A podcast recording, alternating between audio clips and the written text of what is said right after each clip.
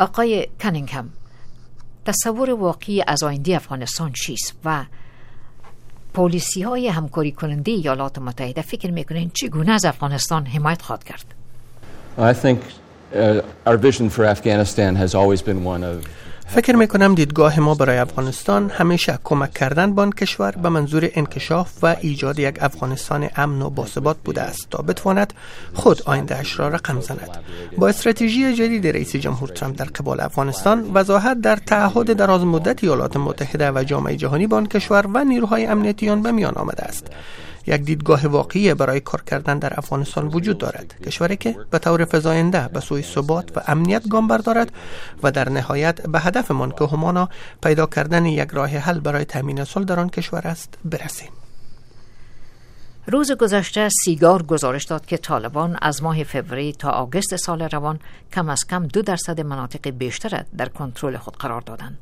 در افغانستان کدام مسائل و درستی پیش برده نمیشه که باعث میشه طالبان قلمرو تحت نفوذ خود گسترش بدن I think the first of all it's it's misleading to play this as a numbers game. فکر می کنم در قدم نخست بازی با ارقام گمراه کننده است. کنترل این ولسوالی ها یا نفوذ طالبان در آن مناطق با گذشته زمان در تغییر بوده است. حقیقت این است که نیروهای امنیتی افغان پس از انتقال مسئولیت امنیتی تحت فشار قرار داشته اما آن مناطق را در کنترل خود داشته و برای تامین امنیت افغانستان مبارزه می کنند.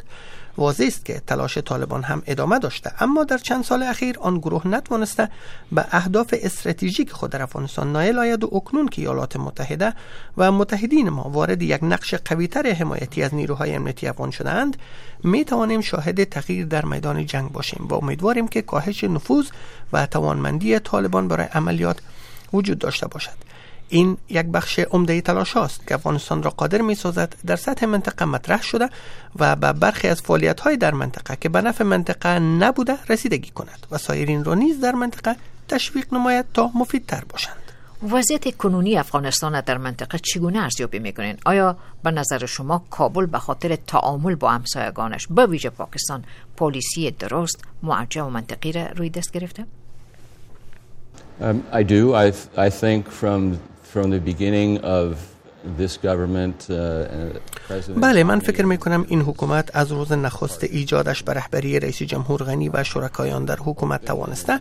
با تمام کشورهایی که در منطقه زینفند به شمول پاکستان به گونه عمیق و باز به تماس باشد و می دانیم که این بحث ها دشوار بوده است. قسمی که در جلسات اخیر مشاهده کردیم نقش پاکستان برجسته بوده و فکر می کنم که حکومت افغانستان واضح ساخته که با تمام کشورهایی که زینف در منطقند آماده همکاری، تعامل و مذاکرات می باشد.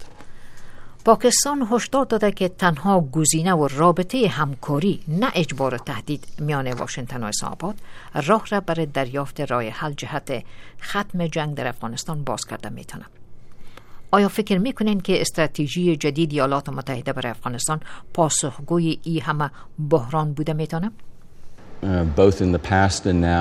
Uh, with this administration that the United States would love to cooperate with خب.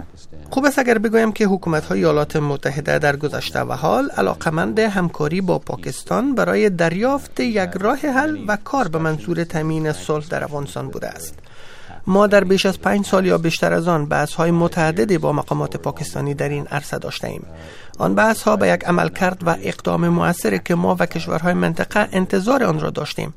تا به ترویج صلح بیانجامد و طالبان را به یک مذاکره جدی با کابل قرار دهد منجر نشد. بلکه آنان را به میدان جنگ قرار داد.